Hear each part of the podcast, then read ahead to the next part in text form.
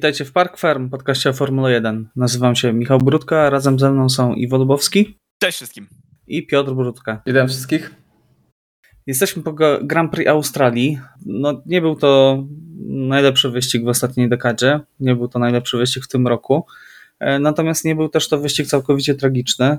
E, jak skomentujecie to? Zgadzacie się z tym moim osądem wczesnym, czy jednak uważacie inaczej? To znaczy- było całkiem dobre Grand Prix Australii, patrząc na zeszłe edycje tego wyścigu, które mieliśmy. Jednak te zmiany na to, że były, wyszły na plus, może nie, nie sprawiły, że mieliśmy tutaj walkę i wyprzedzanie za każde okrążenie, ale e, naprawdę mieliśmy więcej tej akcji i walki pomiędzy kierowcami na torze. E, moim zdaniem w niektórych momentach nawet trochę przesadzono, trochę zbyt szeroki ten tor się stał. E, ale generalnie rzecz ujmując, był to niezły wyścig. No po prostu tutaj Charles Leclerc skradł cały show i tak gigantycznej dominacji jeszcze w tym sezonie nie widzieliśmy, a to była po prostu deklasacja wszystkich.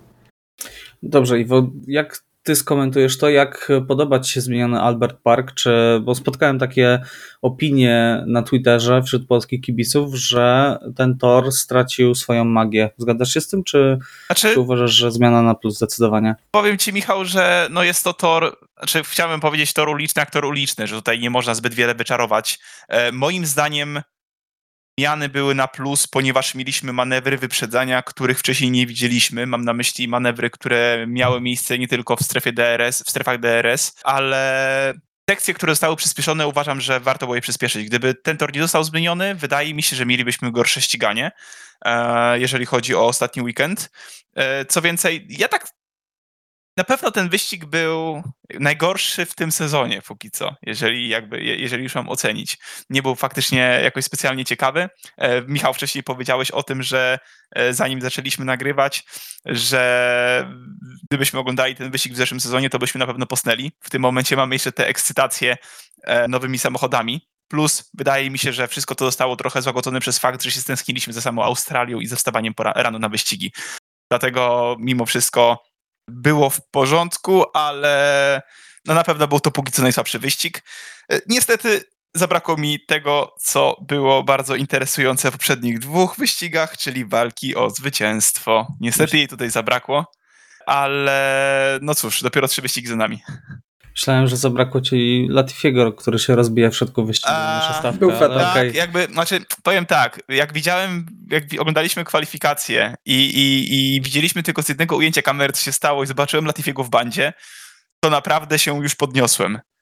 Zobaczyłem dopiero replay, co, co zrobił Stroll. Tak, to zrobił Stroll. Także już usiadłem i, i, i naprawdę musiałem e, zwrócić honor. Więc e, nie było tragedii z jego strony. No dobrze. Tak jak powiedzieliście, dominacja Ferrari. Czy mamy. Jednego. Jednego Ferrari, tak. O Sańcu zaraz na pewno porozmawiamy, natomiast no, w tempie wyścigowym Ferrari było absolutnie nie do ruszenia. W kwalifikacjach też Leclerc wykręcił fantastyczne kółko. Czy mamy czego się obawiać? Bo pojawiły się plotki, że Ferrari, patrząc na to, jak e, przegrało jednak Grand Prix Arabii Saudyjskiej, troszkę odkręciło silnik i od razu widzieliśmy tego bardzo mocne efekty. Mimo, że przecież e, porpoising e, w Ferrari był bardzo widoczny i to auto skakało no niebotycznie wręcz, a mimo tego było strasznie tak. szybko. Tak, tak, tak, wyglądało to strasznie. Szczególnie chyba to była taka kamera na Sańca, yy, kilkukrotnie gdzieś tam pokazywana. No, nie wiem, może to był powód, dla którego Sainz miał faktycznie zły weekend, ale, ale, ale wyglądało przerażająco. Wiesz co, ja bym takich osądów jeszcze nie dawał, w sensie mam trochę PTSD, jak przypominam sobie początki sezonu z Mercedesem, gdzie mieliśmy nadzieję, że może jednak coś się zmieni. E, natomiast tak, wolę, żeby Ferrari wygrywało niż Mercedes, ale no nie no, trzy wyścigi za nami. Widzieliśmy w pierwszych dwóch wyścigach, że jednak ta walka ma miejsce. Eee, może Ferrari nie będzie się opłacało, żeby mieć odkręcony silnik przez cały sezon. Znaczy, ja myślę, że no, musimy poczekać, jak ten sezon będzie się rozwijał. Jedyne, co może być naprawdę skłaniać wszystkich w stronę tego, że można się zacząć martwić, że to będzie kompletna dominacja i że e, zobaczymy podobne, podobne tutaj tempo Ferrari, jak na przykład pokazał Mercedes w, w sezonie 2014, gdzie w, oni wtedy zdominowali tamtą, tamtą zmianę regulaminową. E, Takim, takim powodem, który by na to wskazywał, jest to, że Ferrari jak na razie praktycznie żadnych poprawek nie przywiozło. Prak Mhm. Praktycznie nic. Ten Tak. bolid jest od trzech wyścigów praktycznie niezmieniony.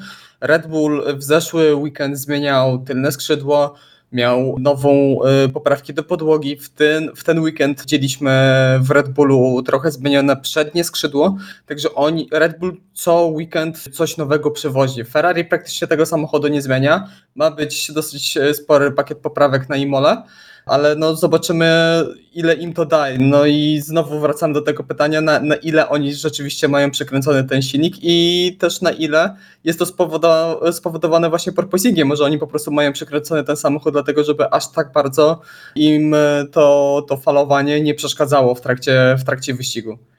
No Ale tak, no. ja, ja powoli, ja przyznam szczerze, że ja powoli zaczynam się troszkę martwić, że będzie, będzie dominacja. Nie chciałbym dominacji, chciałbym, żeby Ferrari wygrało, wygrało ten sezon, naprawdę, E, ale nie chcę, żeby to było takie, takie bez, bez walki albo żeby, żeby inne zespoły miały szansę zawalczyć z Ferrari tylko na, w poszczególnych warunkach, tylko na poszczególnych torach, tylko tak jak to mniej więcej wyglądało przez ostatnie dwie rundy.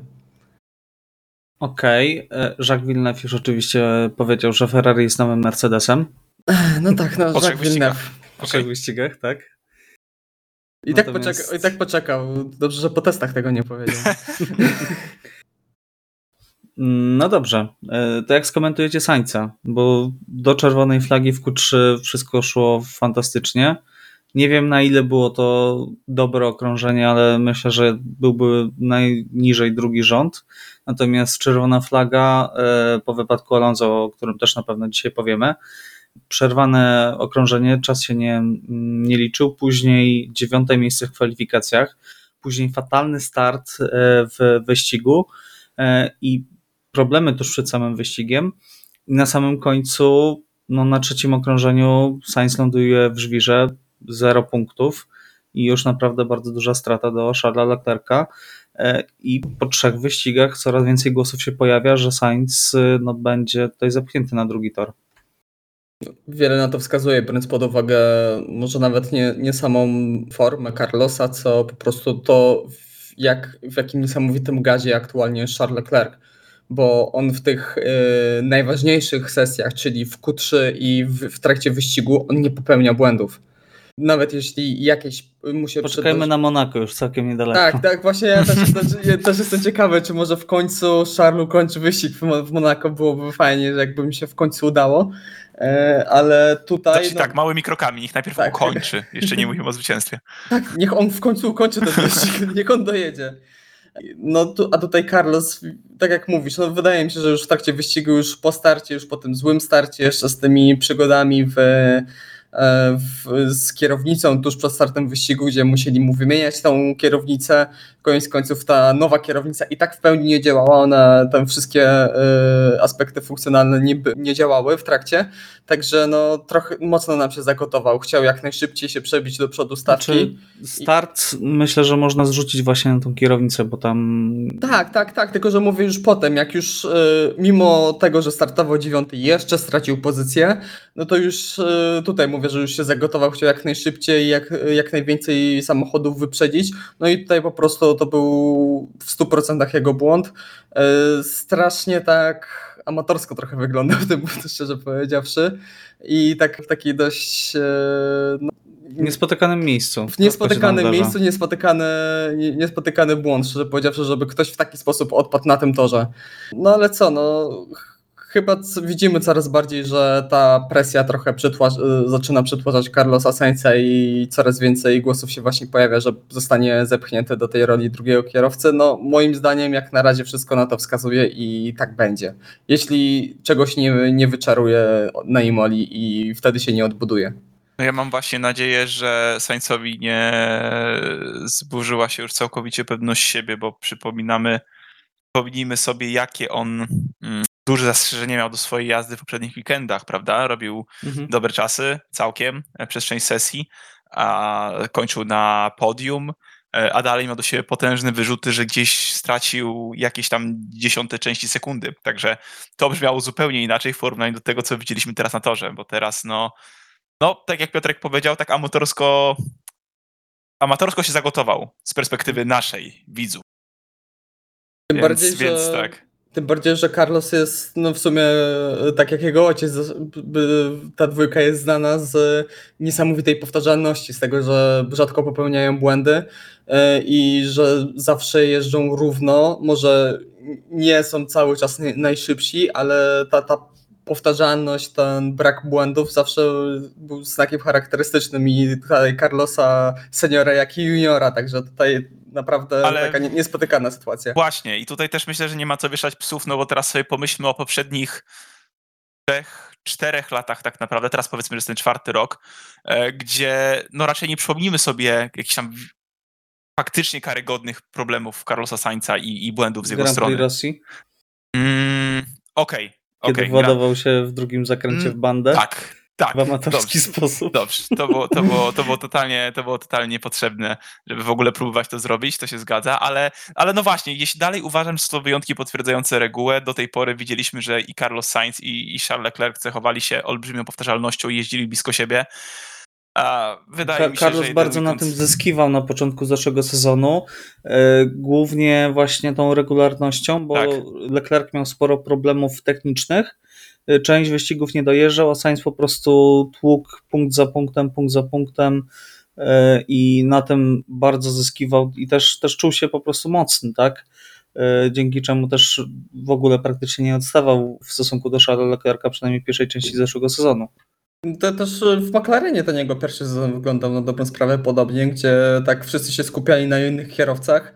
Tam były różne przygody, jakieś wypadki, jakieś awarie, a Carlos systematycznie dojeżdżał, dojeżdżał, dojeżdżał i w pewnym momencie ludzie spojrzeli na klasyfikację generalną i takie, o kurde, ej, skąd on się tam wziął, czemu on ma tyle prawda? punktów, Jest takie, mocny. o co chodzi, że w ogóle na niego nie zwracaliśmy uwagi, a on tutaj nagle jest, nie wiem, tam czwarty, piąty w klasyfikacji generalnej, także tutaj naprawdę, no to, to jest y, główna broń Carlosa, no i tutaj wyda, po prostu wiele czynników się złożyło na to, że trochę no, no zagotował się. No i też można odnieść wrażenie, że Sainz jest jednym z najciężej pracujących kierowców w- padoku. E, Nie wiem, czy pamiętacie te ujęcia z Drive to Survive, one mi tak teraz przypomniały mi się, jak e, tam po prostu wylewa z siebie siódme poty e, na, na siłowni, przygotowując się do kolejnego wyścigu. Nie, dlaczego mam teraz przed oczami nagiego prawie, że, że tak powiem, e, Bottasa. Carlosa Sainza jeżdżącego na, na, Ja na rowerku. myślałem, że powiesz Christiana Hornera, ale się przeraziłem. Ale teraz mam, ten, teraz mam ten obrazek również. No była to sesja Christiana Hornera, ona Piotrek, pamiętasz? wspaniała. Tak, no dzięki Michał, teraz to mam przed oczami. No, Ja mam, ja mam przeróbkę, jak wstawili właśnie tą sesję Hornera do tej wanny w Ferrari, to, to też było wspaniałe. No dobrze, ale wróćmy do, e, wróćmy do meritum. Jak sądzicie, znaczy myślę, moim zdaniem, e, może w ten sposób, moim zdaniem jest jeszcze za wcześnie e, na rzucanie tutaj jakichkolwiek jednoznacznych określeń drugiego, pierwszego kierowcy. Leclerc ma przewagę, no, nie, da się, nie da się uciec. Ma drugi najlepszy e, początek sezonu w ostatnich 10 latach. Lepszy był tylko Nico Rosberg e, w 2016 roku. Natomiast e, no, mamy dopiero trzy wyścigi, tak? W kalendarzu, w którym było tych wyścigów 17-18, już moglibyśmy mówić, że to jest poważna sprawa. Natomiast wyścigów mamy 23 i to, to jest mało, tak? To jest e, no, praktycznie sam początek sezonu. Jeszcze bardzo dużo może się wydarzyć. Także mm, no, przewaga dla Leclerca, natomiast na pewno nie skreślałbym, bo wystarczy, że trafi się odpukać oczywiście e, jeden, dwa wyścigi z problemami technicznymi albo z jakąś e, kraksą i wy, Sainz wygra, dajmy na to te dwa wyścigi I Już Myślę, trochę że- topnieje. i już przewaga topnieje o 25-50 punktów, tak? I, I robi się ciekawie z powrotem.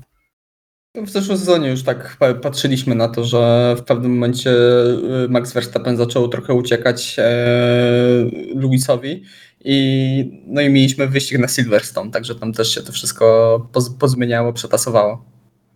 No dobrze, to porozmawiajmy o Verstappenie. Verstappenie, który mówi, że on o mistrzostwie w ogóle nie myśli i najpierw to muszą pomyśleć o tym, żeby dojechać do mety.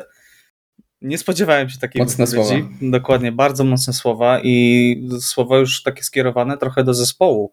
E, Mam wrażenie, że Max tutaj tak spojrzał surowym okiem na zespół, mówiąc tak trochę, dostarczcie mi w końcu auto, które dojeżdża na metę. Tak, no bo po raz kolejny mieliśmy yy, awarię w samochodzie Verstappena i po raz kolejny to był układ paliwowy. To nie była ta, ta sama przyczyna, ale jednak coś tam z tym układem paliwowym w, yy, w bolidzie Red Bulla jest nie tak. Yy, no i na razie to naprawdę bardzo źle wygląda, no bo Max Verstappen zdobył no to 25 punktów z zeszłego wyścigu, jest na szóstym miejscu, e, no i traci prawie 50 punktów do Charlesa Leclerca, także tutaj naprawdę jest e, do, już Do Luisa nigdy nie strata. tracił. Tak, dokładnie, to już jest potężna strata. Oczywiście w zeszłym sezon był zupełnie inny, te samochody praktycznie się nie zmieniały, były bardzo bardzo niezawodne, cała stawka była bardzo niezawodna, także tutaj e, w zeszłym roku ten czynnik właśnie tej dojeżdżalności, że tak powiem, nie, nie grał aż takiej dużej roli, e, ale no jest duży problem. Ja tutaj mam powoli trochę wspomnienia z sezonu 2017-2018, gdzie wtedy Red Bull pod koniec ich współpracy z Renault wtedy mieli bardzo duże problemy z, z dojeżdżalnością. W sezonie 2017 to właśnie Max Verstappen praktycznie co wyścig czy co dwa wyścigi miał awarię. W sezonie 2018 to Daniel Ricciardo miał co chwilę awarię, także tutaj... Chyba 7 e... albo 8 niedojazdów. No dokładnie, także tam w Red Bullu znamy już takie historie, gdzie co chwilę mieli awarię w samochodzie. E, no i rzeczywiście, jeżeli chcą e, tutaj myśleć o obronie tytułu e, albo o jakimkolwiek zagrożeniu Ferrari, no to muszą nad tym mocno popracować i na tym się skupić, nawet, nawet tutaj kosztem E, poprawy osiągów i poprawy swojego tempa, no bo e, wyprzedził ich Mercedes. Ten Mercedes, który jest tam w tle, mówimy, że to jest wolny i jest gorszy od e, właśnie od Red Bulla i od Ferrari, ale w klasyfikacji generalnej Mercedes no, wyprzedza już Red Bulla o 10 punktów, także wiadomo, także to już to jest naprawdę spory cios dla Red Bulla, że no, padli na trzecie miejsce w generalce i tracą już ponad 50 punktów do Ferrari w klasyfikacji konstruktorów, także tutaj naprawdę dużo pracy muszą wykonać, żeby, e, żeby im ten sezon nie uciekł po prostu. No, rok temu była jedna e, awaria Maxa Verstappena mm, w Azerbejdżanie i to była awaria spowodowana oponami Pirelli, a nie de facto bolidem, tak? Także bolid na dobrą sprawę dojechał, dojechałby do mety prawdopodobnie wszystkich wyścigów, bo jeszcze Max nie dojechał w Silverstone i na Moncy, gdzie były kolizje z Hamiltonem. A wreszcie wyścigów, nawet pokiereszowanym bolidem w, na Węgrzech był w stanie dojechać tak do mety.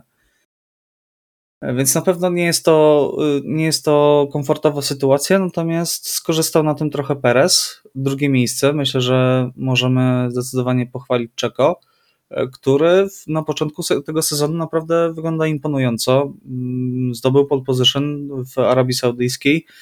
E, tutaj e, drugie miejsce. Naprawdę myślę, że możemy tutaj e, postawić zdecydowany plus przy nazwisku Sergio Pereza. Tak, zgadza się. Tutaj w końcu widzimy, że w Red Bullu drugi kierowca sobie radzi i jakby jasne, zeszły sezon też pokazał, że Perez potrzebował trochę czasu, żeby się odpalić, tak to nazwijmy, ale no wyratował mistrzostwo Maxa Verstappena. Myślę, że chyba to śmiało już możemy, śmiało chyba to można powiedzieć. E, teraz brakuje mu jeszcze trochę tempa. Ile tracił? Około 4 dziesiątych do, do, przepraszam, nawet nie. E, jedną dziesiątą tracił do Maxa Verstappena, jeżeli chodzi o kwalifikacje. Także cały czas jest blisko i kurczę, fajnie jest w końcu widzieć kierowcę, który raz, że się nie zmienił po sezonie, dwa, który sobie autentycznie w tym bolidzie radzi. Także dobry początek sezonu, oby tak dalej, bo no Red Bull potrzebuje drugiego kierowcy, który jest w stanie wygrywać wyścigi i, i regularnie stawać na podium. Także myślę, że jeżeli ten sezon pójdzie dobrze, to ten kontrakt jeszcze śmiało może zostać przedłużony. No Helmut Marko nawet pokusił się o stwierdzenie, że pojechał na poziomie Maxa Verstappena Sergio Perez w tym wyścigu, nie zdarzają się takie wypowiedzi na temat drugich kierowców e, często, prawda? Prawda, zdecydowanie. No dobrze, to przejdźmy do zespołu, który e, wywiózł najwięcej punktów w klasyfikacji konstruktorów z tego wyścigu. Tak, e, to Mercedes. Drugi zespół w stawce, zaznaczmy. Dokładnie tak. George Russell skorzystał na tym safety carze spowodowanym wypadkiem Sebastiana Vettela I mamy pierwsze takie prawdziwe podium, mam wrażenie, tak? Bo to podium w Belgii myślę, że mało kto będzie respektował. Dokładnie. E, I utrzymał się przed Hamiltonem, tak? Bo tam w końcówce byli naprawdę bardzo blisko siebie, ale nie było w ogóle sytuacji, w której e, Luis mógłby zaatakować George'a i mu odebrać to podium. E, I ogólnie rzecz biorąc, Mercedes bardzo mocno naciskał w wyścigu na Red Bulla i to było takie naprawdę pozytywne zaskoczenie. Tak, naprawdę tutaj bardzo dobry wyścig George'a. Eee, wykorzystał tę sytuację. Po raz, no, po raz kolejny Lewis Hamilton nie, nie zyskał na tym safety carze. Jakoś ty, tyle, tyle miał przez te wszystkie sezony, tyle farta właśnie w takich sytuacjach, a teraz od, od Abu Dhabi zeszłego roku jakoś co wyjeżdża safety car, to zawsze nie, jakoś nie pomyśli Lewisowi. Eee, też Hamilton pod koniec, sezonu, pod koniec wyścigu E, miał problemy z przegrzewaniem się samochodu, także też e, to było trochę spowodowane, że nie mógł dojechać do Georgia, znaczy oficjalnie tak było. E, I myślę, że tutaj Mercedes, biorąc pod uwagę oczywiście całą, wszystkie proporcje, można tutaj ich określić takim, okre, takim określeniem, że slow, slow but steady, że na spokojnie jadą z tyłu, wykorzystują sytuację, no i tym swoim doświadczeniem, które mają przez lata, to właśnie pokazuje E, tutaj klasę mistrzowskiej ekipy przez naprawdę wiele sezonów, że w momencie, w którym nie mają najlepszego pakietu, gdzie e, nie mogą się liczyć bezpośrednio w walce czy to o zwycięstwa, czy to nawet e, czasami o podium, no to maksymalizują to, co mogą zdobyć, no i nie czystym tempem, ale po prostu takim spokojem, dojeżdżalnością, dobrą strategią wywalczają naprawdę bardzo dużo punktów. No i tak jak już wspomniałem, drugie miejsce w konstruktorach, George Russell drugie miejsce w klasyfikacji kierowców, także na razie naprawdę wszyscy, naprawdę bardzo dobrze to wygląda, biorąc pod uwagę, jakie mają tempo i jakie mają problemy z, z poprawą tego tempa. Tam jeden taki fragment, który nie przystoi nawet trochę do mm, ekipy, która wygrała wszystkie praktycznie od 2014 roku Mistrzostwa Konstruktorów. Komunikat taki, nie wiem czy pamiętacie, e, kiedy Russell e, miał za sobą e, Sergio Pereza. Jeżeli ma to yy, sprawić, że zniszczysz swoje opony, to po prostu przepuść Pereza, nie walcz z nim. To pokazuje, mm. że Mercedes zna swoje trochę miejsce w szeregu yy, w tym sezonie i wygrywa taki, nie wiem, chęć walki, tak, i odgryzania się, wygrywa tutaj rozsądek jednak i yy, to, co mówisz Piotrek, takie yy, zimna kalkulacja o wyciągnięciu jak najlepszych punktów, jakie, jakie po prostu możemy w tym wyścigu moim zdaniem to jest dobre podejście, bo wydaje mi się, że w tym sezonie to jeszcze e, przyniesie swoje owoce. E, zauważmy, że e, Mercedes jest absolutnie niezawodny. I kolejny weekend, kolejny weekend widzimy, gdzie mamy mistrzowski bolid. E, no, mistrzowski zespół, przepraszam, który, który ponownie się sypie. E, konkretnie, konkretnie bolid Maxa Verstappena, tak Mercedes znowu dojeżdża, znowu w punktach, znowu wysoko. I, no wydaje mi się, że, i, dokładnie. Także mam wrażenie, że jeżeli dowiozą już sensowne poprawki, a na pewno Mercedes niedługo dowiedzie sensowne poprawki do swojego auta, no mam nadzieję, że będzie jakaś sensowna walka, nawet jak nie z Ferrari, to przynajmniej jak Red Bull już stanie nogi, między Red Bullem a, a Mercedesem.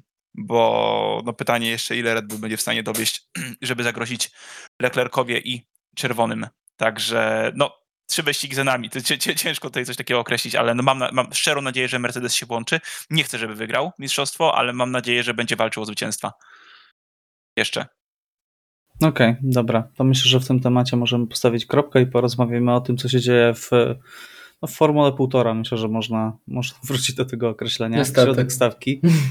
E, I mamy bardzo pozytywne zaskoczenie, bo w ostatnich odcinkach mówiliśmy o tym, jak jest grobowa atmosfera w zespole McLarena, a tutaj czwarte miejsce w konstruktorach, podwójne punkty, bardzo mocne tempo, zdecydowanie najsilniejsze tempo ze środka stawki w wyścigu.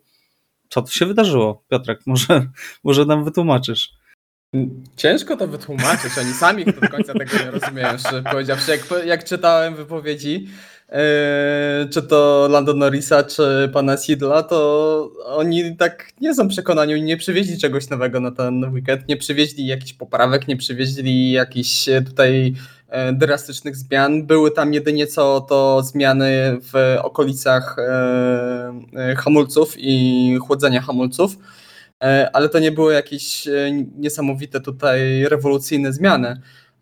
Wydaje się, że po prostu raz podpasował Intor, dwa możliwe, że zaczynają coraz bardziej rozumieć ten samochód, bo też wiadomo, że każdy, wszystkie zespoły uczą się tych samochodów, nie wszystkie dane z, idealnie korelują z tym, co wychodzi nam na obliczeniach, co wychodzi w tunelu aero, także tutaj y, muszą wszystkie zespoły się dotrzeć i zrozumieć te swoje konstrukcje w 100%.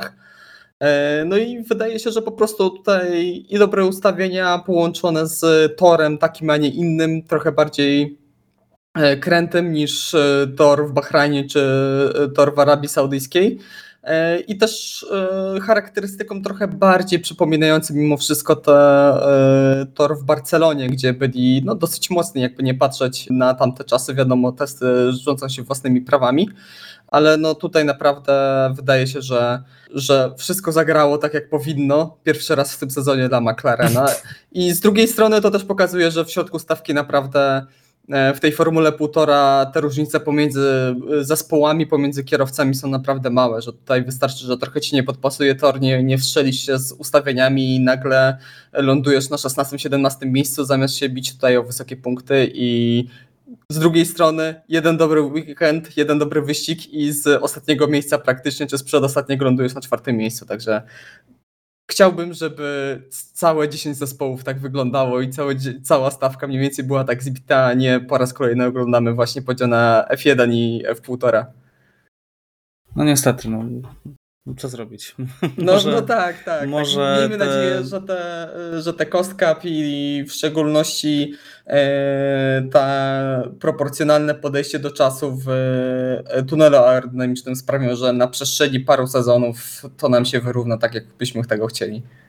Znaczy, czytałem właśnie wywiad z panem Zajdlem, który powiedział, że no, chciałby powiedzieć, że to zdecydowanej większości jest kwestia tego zrozumienia bolidu i ewentualnie jakichś poprawek. Natomiast no, zdecydowanie większość to jest po prostu układ toru, który im podpasował. Także nawet po takim sukcesie y, nadal ta, ta atmosfera wokół e, bolidu no, nie jest najlepsza. Natomiast może przejdźmy już dalej y, do Fernando Alonso, bo też to był, była jedna z takich gwiazd, myślę, że tego weekendu, zwłaszcza w kwalifikacjach. Co to było za okrążenie tam mm. i co to była za awaria, tak? Tak. Mieliśmy Fernando, który sam przyznał po kwalifikacjach, że mógł walczyć o pole position. E, nie wiem na ile to jest prawda, bo jednak w trzecim sektorze wszyscy bardzo dużo tracili do Ferrari, ale trzeba przyznać, że po dwóch, na tym okrążeniu, e, po dwóch sektorach był szybszy od Charlesa Leclerca. E, i później ta nieszczęsna awaria, która okazała się, że zawinił e, element, który kosztuje mniej więcej 10 zł. E, uszczelka zwykła. Uszczelka zwykła, tak, dokładnie. I w wyścigu, no, też nietrafiona trochę safety car, odwrotna, odwrotna strategia, później zużycie opon za pociągiem DRS i skończyło się na 17 miejscu. Tak, no wielka szkoda. Mi naprawdę bardzo smutno było, jak e, Fernando odpadł z tych kwalifikacji, jak się rozbił w trakcie tej czasówki. No a później to już było taka po prostu chyba próba wymyślenia czegoś, trafienia w, e, z, ze strategią jakąś odmienną w, w to, co się wydarzy na torze i tutaj takie zmniejszenie strat no niestety się nie udało. E, a szkoda, bo naprawdę mógł to być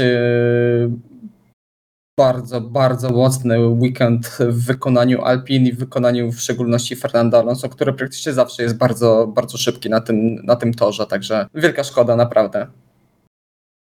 Iwo, czy chciałbyś coś dodać do, do tego? Nie, Chyba tak... miałeś okazję zobaczyć takiego trochę vintage Fernando Alonso.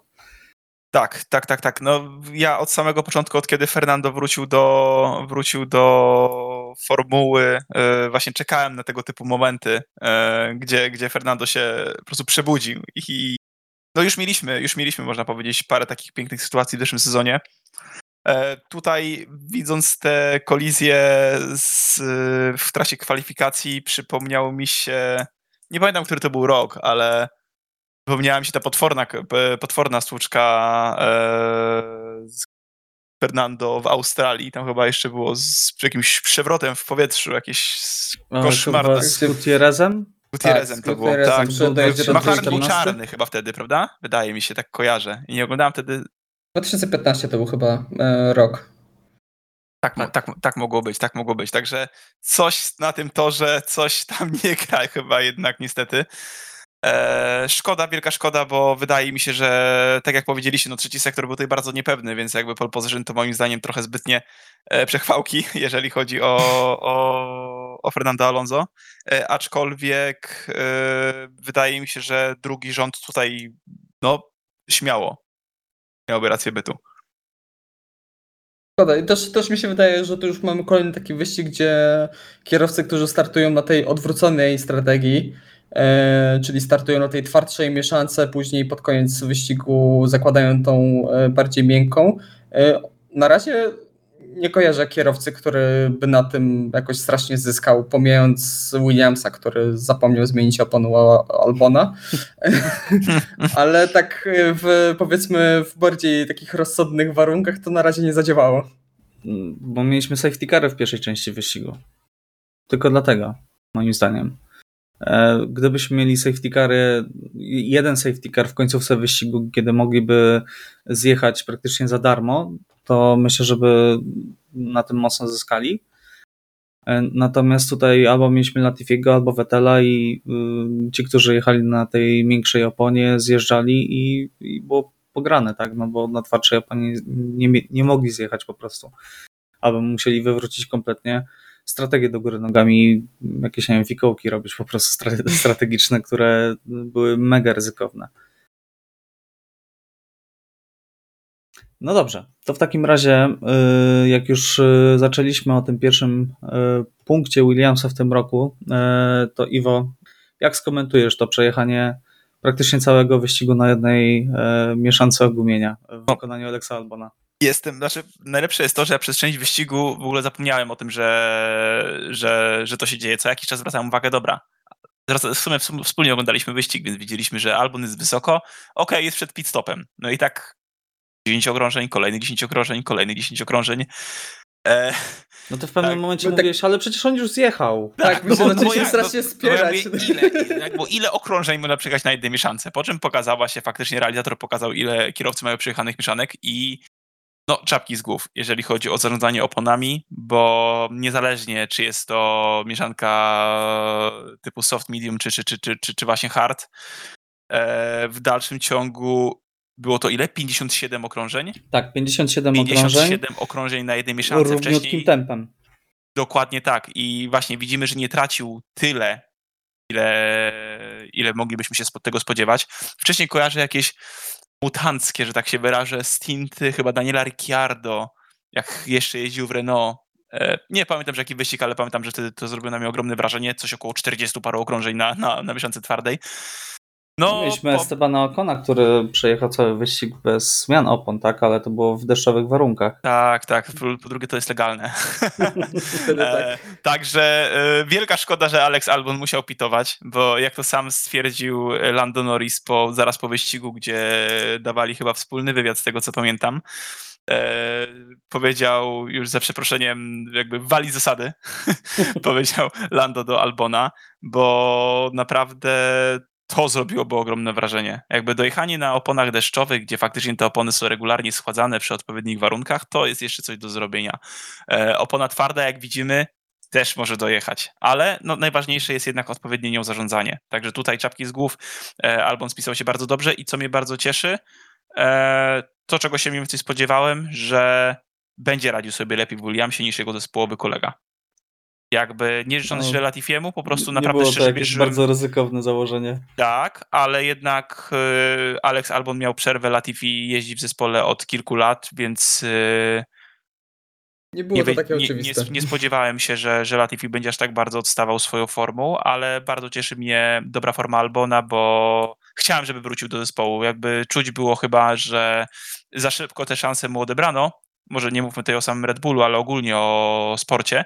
Także dobrze, że wrócił, niech sobie do, niech, niech, niech radzi sobie przynajmniej tak dobrze, jak radził sobie w Australii, bo e, no, jest to dobry benchmark, jak widzimy, dla Latifiego i teraz nagle okazuje się, że nie żebyśmy sądzili, że on był nie, wi- nie wiadomo jak bardzo niesamowitym kierowcą, ale miał swoje przebłyski, ale ostatnio zawodzi. No zdecydowanie, no nie jest to czas dla Nicolasa Latifiego. E, No, odstawać w taki sposób. Ja rozumiem, że gdyby był, nie wiem, wolniejszy, tak, ale tutaj to jest przepaść po prostu. Tak. Tej, no, wygląda na to, że Latifi jest jednym, jeżeli nie e, tym najgorszym kierowcą w tym momencie w, w stawce, tak? Jest jeszcze jego kolega z Rodak, który też jest y, mocnym kandydatem do tego, do tego tytułu. Corey i Trevor. A jeszcze mieli, że tak Tak. powiem, pu, pu, pu, punkt styczności w tym wyścigu, w tym weekendzie, ten weekend. Nie, to, to, co oni, to co Stroll wyprawia, to jest po prostu jakiś hit. Ja postulowałbym naprawdę UEFI-a, żeby mu jakieś większe lusterka zbudować, albo nie wiem, klakson dla kierowców, którzy go po prostu mijają, tak, albo wyprzedzają, bo Światła jak w samochodach, długo, jak w wyścigach długodystansowych, to tak, mruganie. dokładnie. No nie, no to co, to, tak, co było zrobił. Stroll w kwalifikacjach, to, to jest absolutnie kryminał i to nie pierwszy raz. No przecież widziałem zestawienie, jak y, w, po wyścigu w Grand Prix Malezji w 2017 Tak. roku. W identyczny sposób rozwalił skrzynię biegów Vettela, który wtedy jeszcze walczył z Hamiltonem o mistrzostwo. I to wtedy to było po wyścigu na Tak. tym zjazdowym takim okrążeniu już po, po przejechaniu dystansu wyścigowego, także no, Stroll musi bardziej uważać, e, bo no kiepsko to wygląda rzeczywiście. To była jedna z bardziej niedorzecznych, jeden z bardziej niedorzecznych wypadków w, Formule 1 z ostatnich sezonów, naprawdę. gdzie oni cały czas się rozbijają, tak? Aston cały Tak. czas się rozbija i ja wiem, że y, Lorenz ma pieniądze, natomiast ograniczenia budżetowe jednak powodują, że no nie da się odbudowywać tych bolidów praktycznie co każdą sesję w weekendzie, tak? Tak, no już, już były takie wypowiedzi z Astana, że y, muszą kierowcy y, się ogarnąć, bo y, za, zacznie im, jak nadal będzie, będzie tyle wypadków, to po prostu nie będą mogli ulepszyć tego bolidu. A ten bolid już w tym momencie ma naprawdę kiepskie tempo.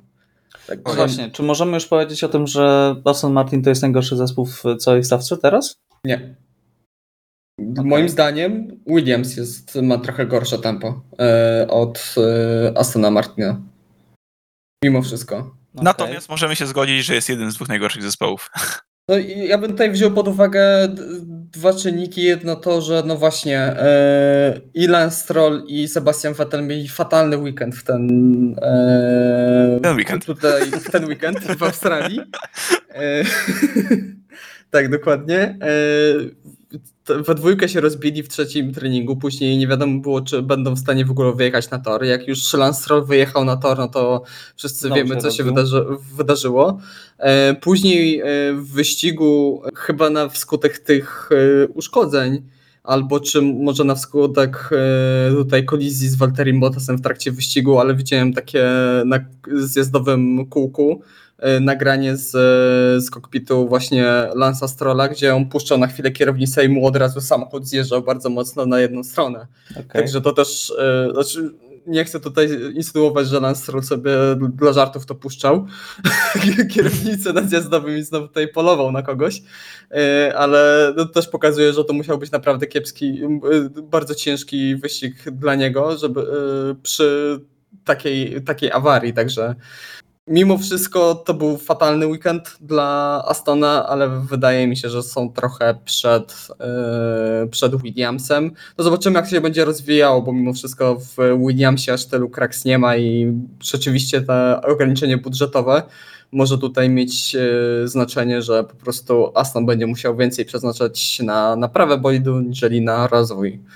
I brzmi to naprawdę strasznie. No i to jest właśnie jedna strona. Druga strona, mamy w końcu powrót Sebastiana Fetela do stawki po przechorowaniu dwóch tygodni. Całe szczęście, całe szczęście jest zdrów, natomiast widzimy, że chyba bardzo jest nieprzyzwyczajony do nowego samochodu Astona Nie Martina. nadał mu imienia Tragicznie. jeszcze, bo jest za wolny. A, a właśnie, tak, nie nadał, bo nawet o tym nie ten, nie, nie, nie, Nie, nie, nie, szukałem nadał, informacji. powiedział, że jest, bolid jest za wolny, żeby dostał imię. Okej, okay. szanuję. ale to jest z jednej strony jest wolny, ale widzimy, no Sebastian Vettel nie przejechał nawet dystansu wyścigowego tak naprawdę. Eee, miał już stracił tyle treningów i dwa wyścigi. Eee, Okej, okay, powiedzieliście wcześniej o Hulkenbergu, jak sobie rozmawialiśmy jeszcze przed, że, że, że, że, że jednak był w stanie sobie poradzić i okiełzać to auto, ale widzimy, że Vettel ma problem. I to jest jakby bardzo duży cios, biorąc pod uwagę, że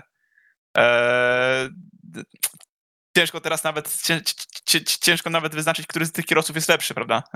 Więc nie spodziewaliśmy się do tej pory powiedzieć, że to Stroll jest lepszym kierowcą Astona Martina.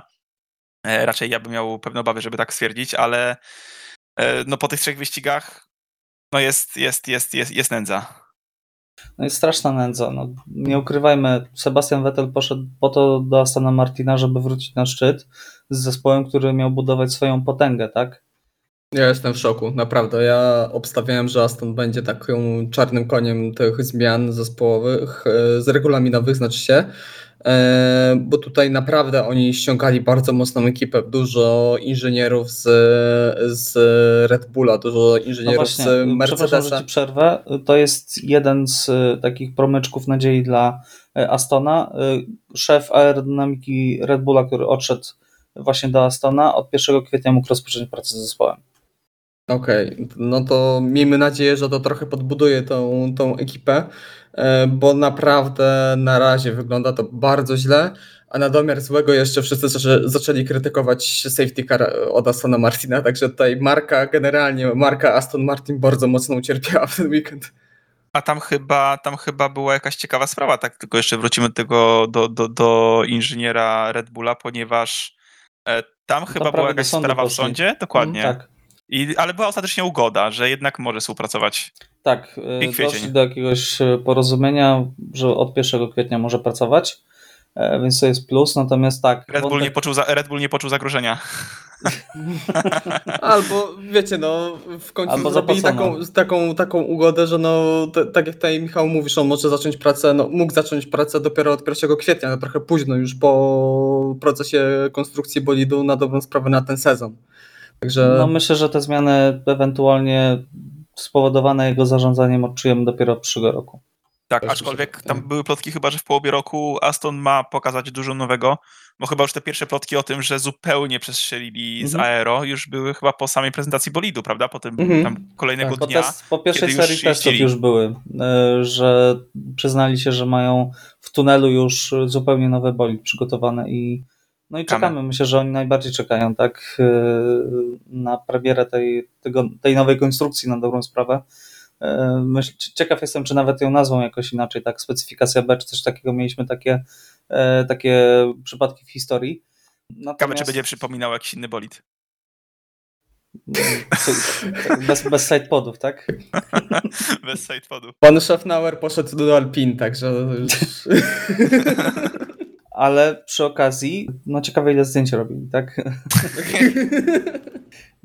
Czytałem właśnie takie opinie, że problemy Astona wiążą się z, właśnie z tego kopiowania Mercedesa, że to im jakoś strasznie zaburzyło kompletnie sposób pracy i y, no, cierpią przez to teraz. No tak, no bo ta ekipa przez wiele, le- przez wiele sezonów e, no, konstruowała swoje bolidy e, od początku do końca. Raz były trochę lepsze, raz były trochę gorsze, no ale y, je, No i tej pracowali se- tam na antycznym sprzęcie, tak? Dokładnie. I mieli świetne wyniki, biorąc pod uwagę zasoby. Teraz mają ogromne zasoby, tak? Mm. A wyników nie ma. Dokładnie, no przez lata właśnie mówiliśmy, że to jest najlepszy zespół, jeśli chodzi o zarządzanie, jeśli chodzi o maksymalizację tego, y, co mają do dyspozycji, jakieś, jakimi środkami dysponują. Także y, rzeczywiście ta kopiowanie bolidu przez y, na dobrą sprawę dwa sezony mogły sprawić, że trochę się tutaj y, rozregu rozregulowała praca w, y, w ekipie Astona.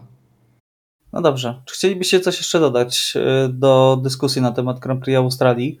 Myślę, że takim minusem jest Haas, który mm, po dwóch świetnych wyścigach no tutaj kompletnie nie miał tempa e, i chociaż zespół sam przekonuje, że to po prostu specyfikator mu nie leżała. jestem w stanie w to uwierzyć. Jakby mam, mieliśmy trzy wyścigi, każdy różniący się charakterystyką, e, więc e, tak, pech, znaczy pech. No, sabo weekend. Mik musi bardziej uważać przy safety carze, bo tam prawie tragedii Oj, tak. doszło. Oj. Może nie tragedii, to za duże słowo, ale. Ale tam... takie, mu, mu, że tak powiem, Mugello vibes troszeczkę. Oj, tak, zdecydowanie. Mogło być groźnie, mogło być groźnie, na szczęście nie było. No dobrze, to stawiamy kropkę przy Grand Prix Australii i porozmawiam teraz tego, co się wokół Formuły 1 trochę dzieje. Takie trochę plotki, ploteczki napisałem tutaj w naszych notatkach. Toto w wywiadzie otwarcie skrytykował Masiego. Ja mam wrażenie, że to już jest takie bicie trochę leżącego. Skrytykował go mówiąc, że nie przyjmował w ogóle do siebie konstruktywnej krytyki, że nawet rozmawiał z nim, mieli chyba wspólną kolację w środę przed Grand Prix Abu Zabi i właśnie mu tłumaczył, jak to Hamilton przyjmuje krytykę i staje się lepszy, a on w ogóle nic nie bierze do siebie. Tak, to jest fantastyczne moim zdaniem. Natomiast powiedział też, że niektórzy włodarze torów odetchnęli z ulgą, bo jakoś tam straszne inwektywy rzucał Massive w kierunku.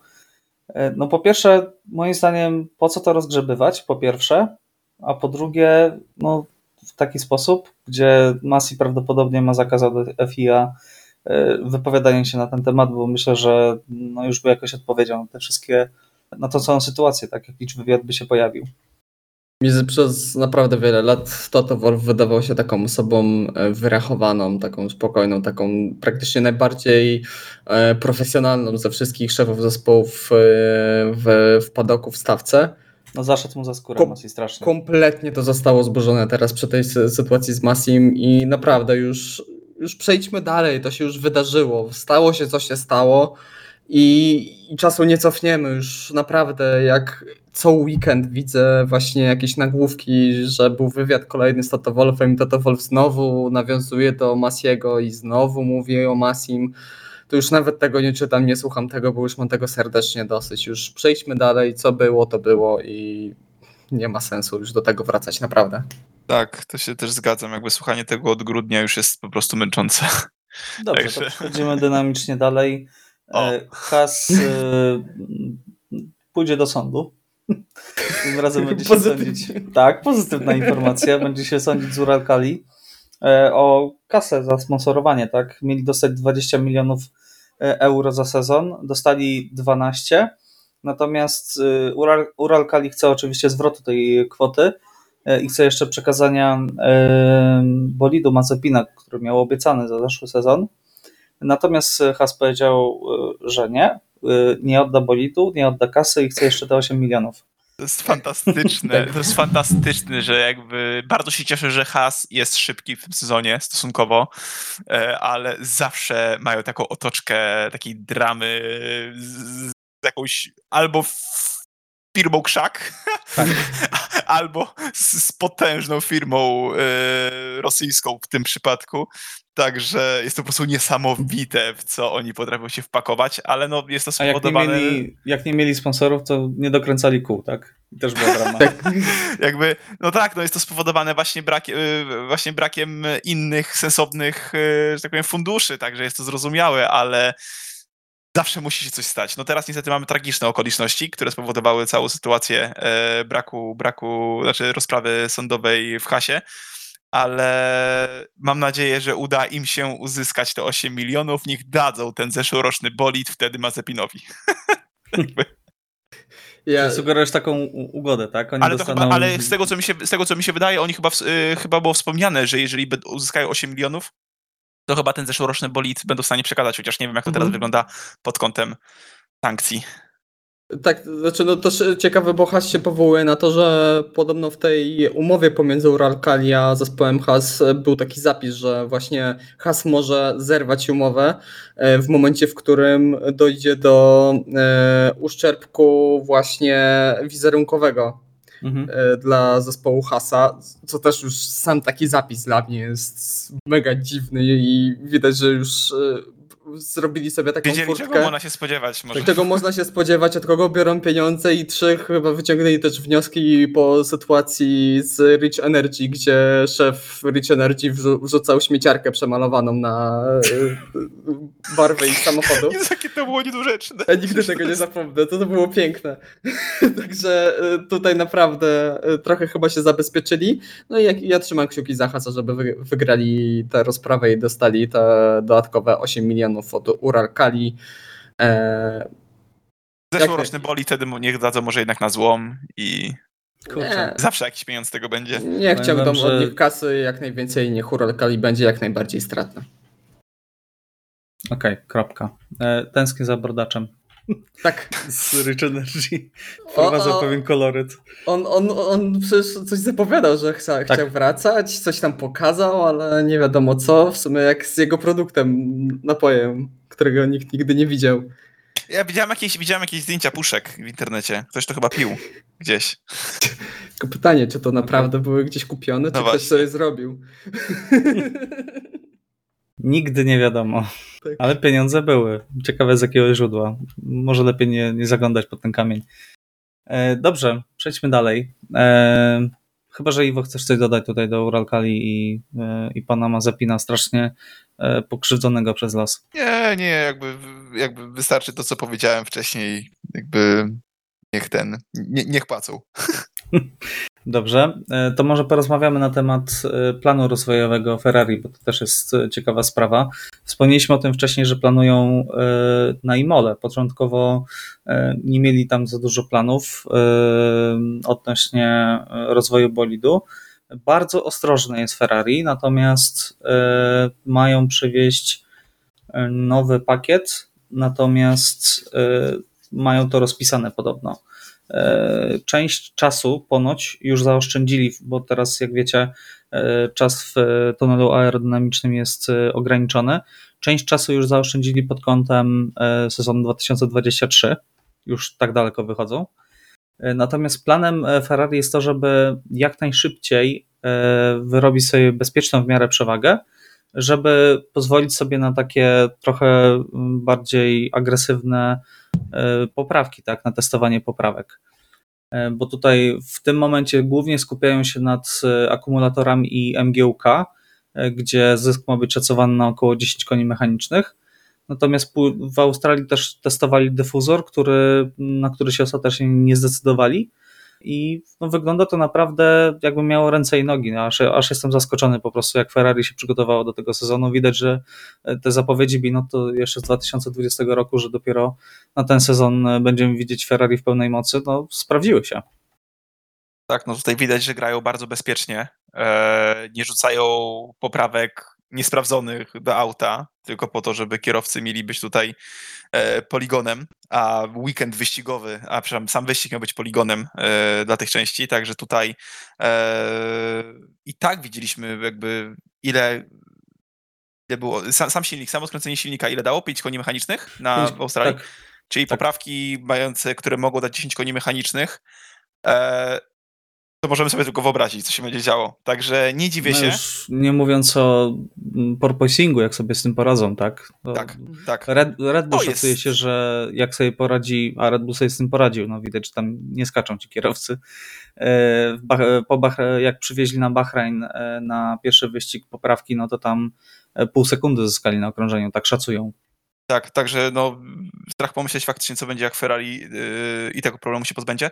E, no inaczej, jestem dobrej myśli, jeżeli chodzi o Ferrari, bo i strategicznie to jest w tym roku jakiś kosmos, e, a jeżeli chodzi o, o poprawki, no sami doskonale wiemy, tak, że tak powiem, z perspektywy widza, no póki co ich nie potrzebują.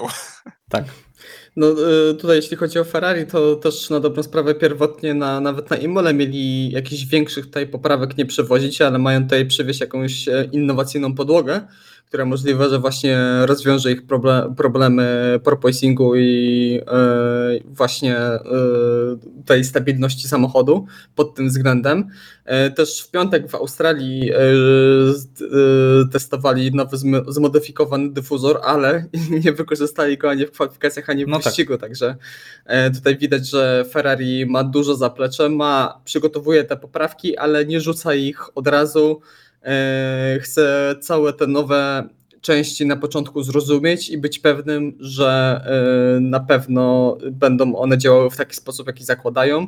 Też mówi się o tym, że mają, e, chcą przebudować tylne zawieszenie, ale to zakłada się, że na drugą część sezonu dopiero będzie wprowadzone. Także tutaj naprawdę, tak jak mówiłeś, Ferrari ma naprawdę, wygląda na to, że ma dopięte praktycznie, praktycznie wszystko na ostatni guzik, jest mega wszystko dobrze zaplanowane.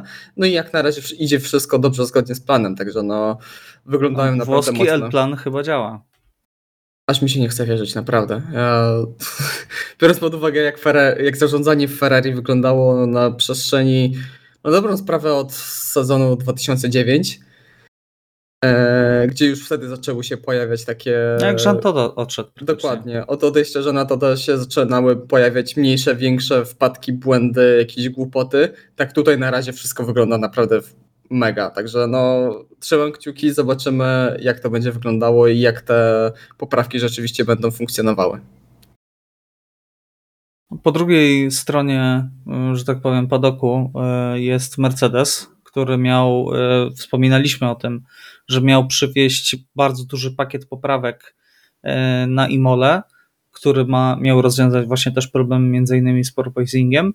Natomiast dochodzą wieści, nie jest to oczywiście potwierdzenie, równie dobrze ten pakiet poprawek może się pojawić, y, natomiast pojawiają się y, takie pierwsze wieści, że Mercedes ma problemy ze e, skorelowaniem danych z, e, z symulatora z tym, co się dzieje w rzeczywistości z tym bolidem, że nie są w stanie jakby zasymulować tego porpoisingu e, i e, pakietu poprawek na Imole nie będzie. Nie wiadomo, kiedy będzie ten pakiet.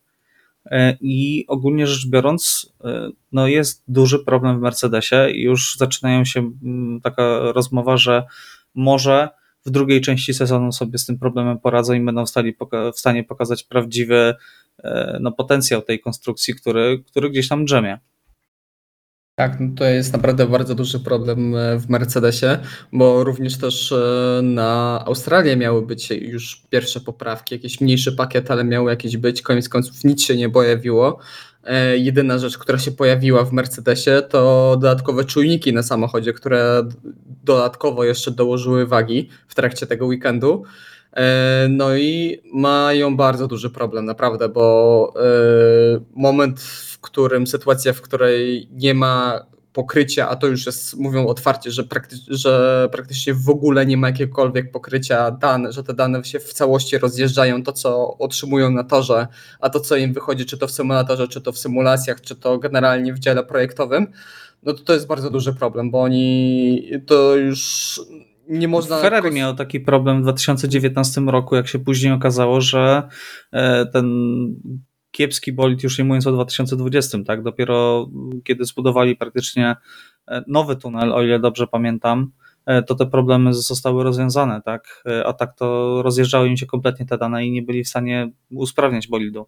Dokładnie, już to, to jedna sprawa wprowadzać jakieś tutaj ustawienia, jakieś symulacje robić pomiędzy sesjami w, w fabryce, bo wiadomo, że takie rzeczy się dzieją. E, To nie dość, że tego nie można robić, to jeszcze właśnie ten rozwój samochodu, o którym mówiłeś, też mocno na tym cierpi i trochę tak po omacku działają inżynierowie.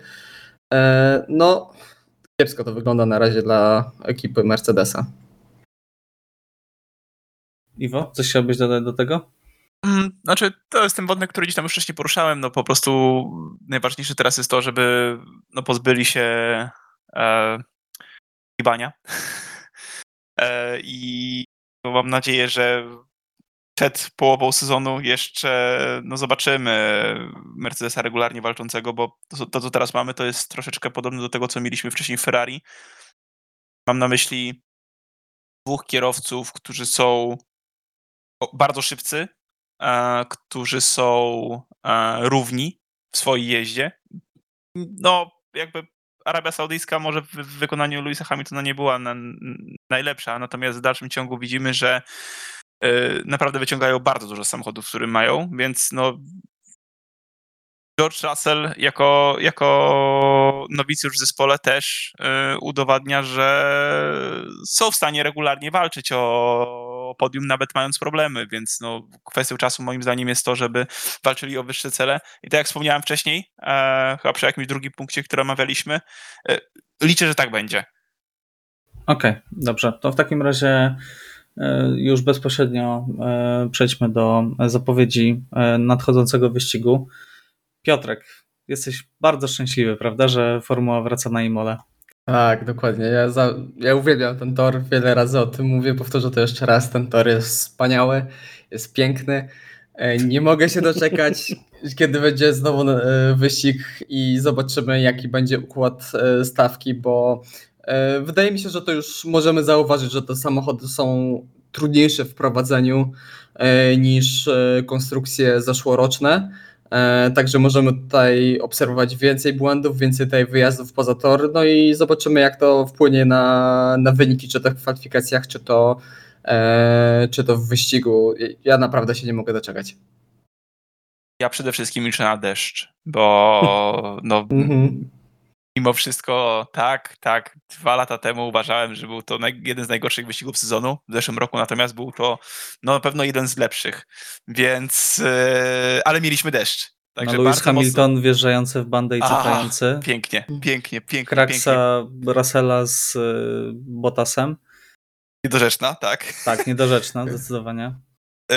Piękne, mam nadzieję, że w tym roku się nie zderzą i bo życzę dobrze i George'owi i Bottasowi, tak naprawdę, e, ale wydaje mi się, że zeszłoroczny deszcz trochę pomógł. Mam dalej obawy, jeżeli chodzi o samą nitkę, natomiast no, w tych autach, gdzie można się bardziej śledzić, że tak powiem, jest szansa na dobre ściganie nawet w suchych warunkach, także podchodzę bardzo, e, że tak powiem, mm, otwarty i bardzo taki neutralnie, że tak powiem, pozytywnie nastawiony. Mam nadzieję, że się nie zawiodę.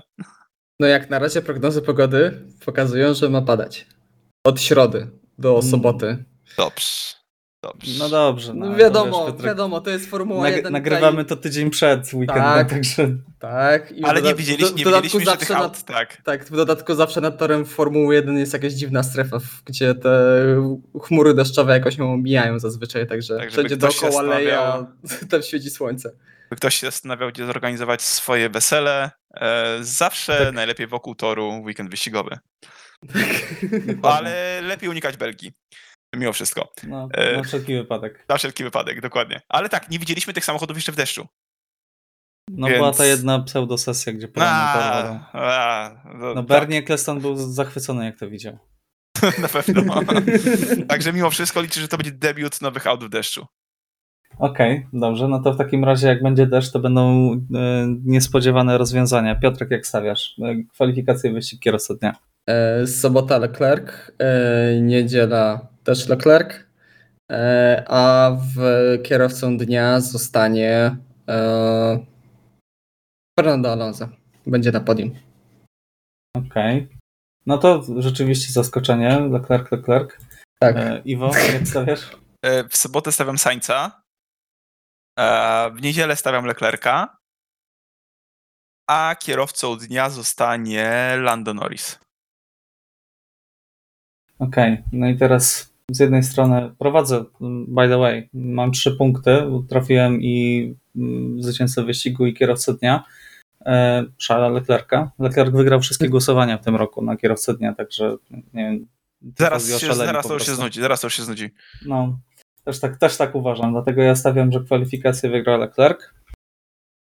Wyścig wygra Lewis Hamilton. O. No będzie deszcz przecież.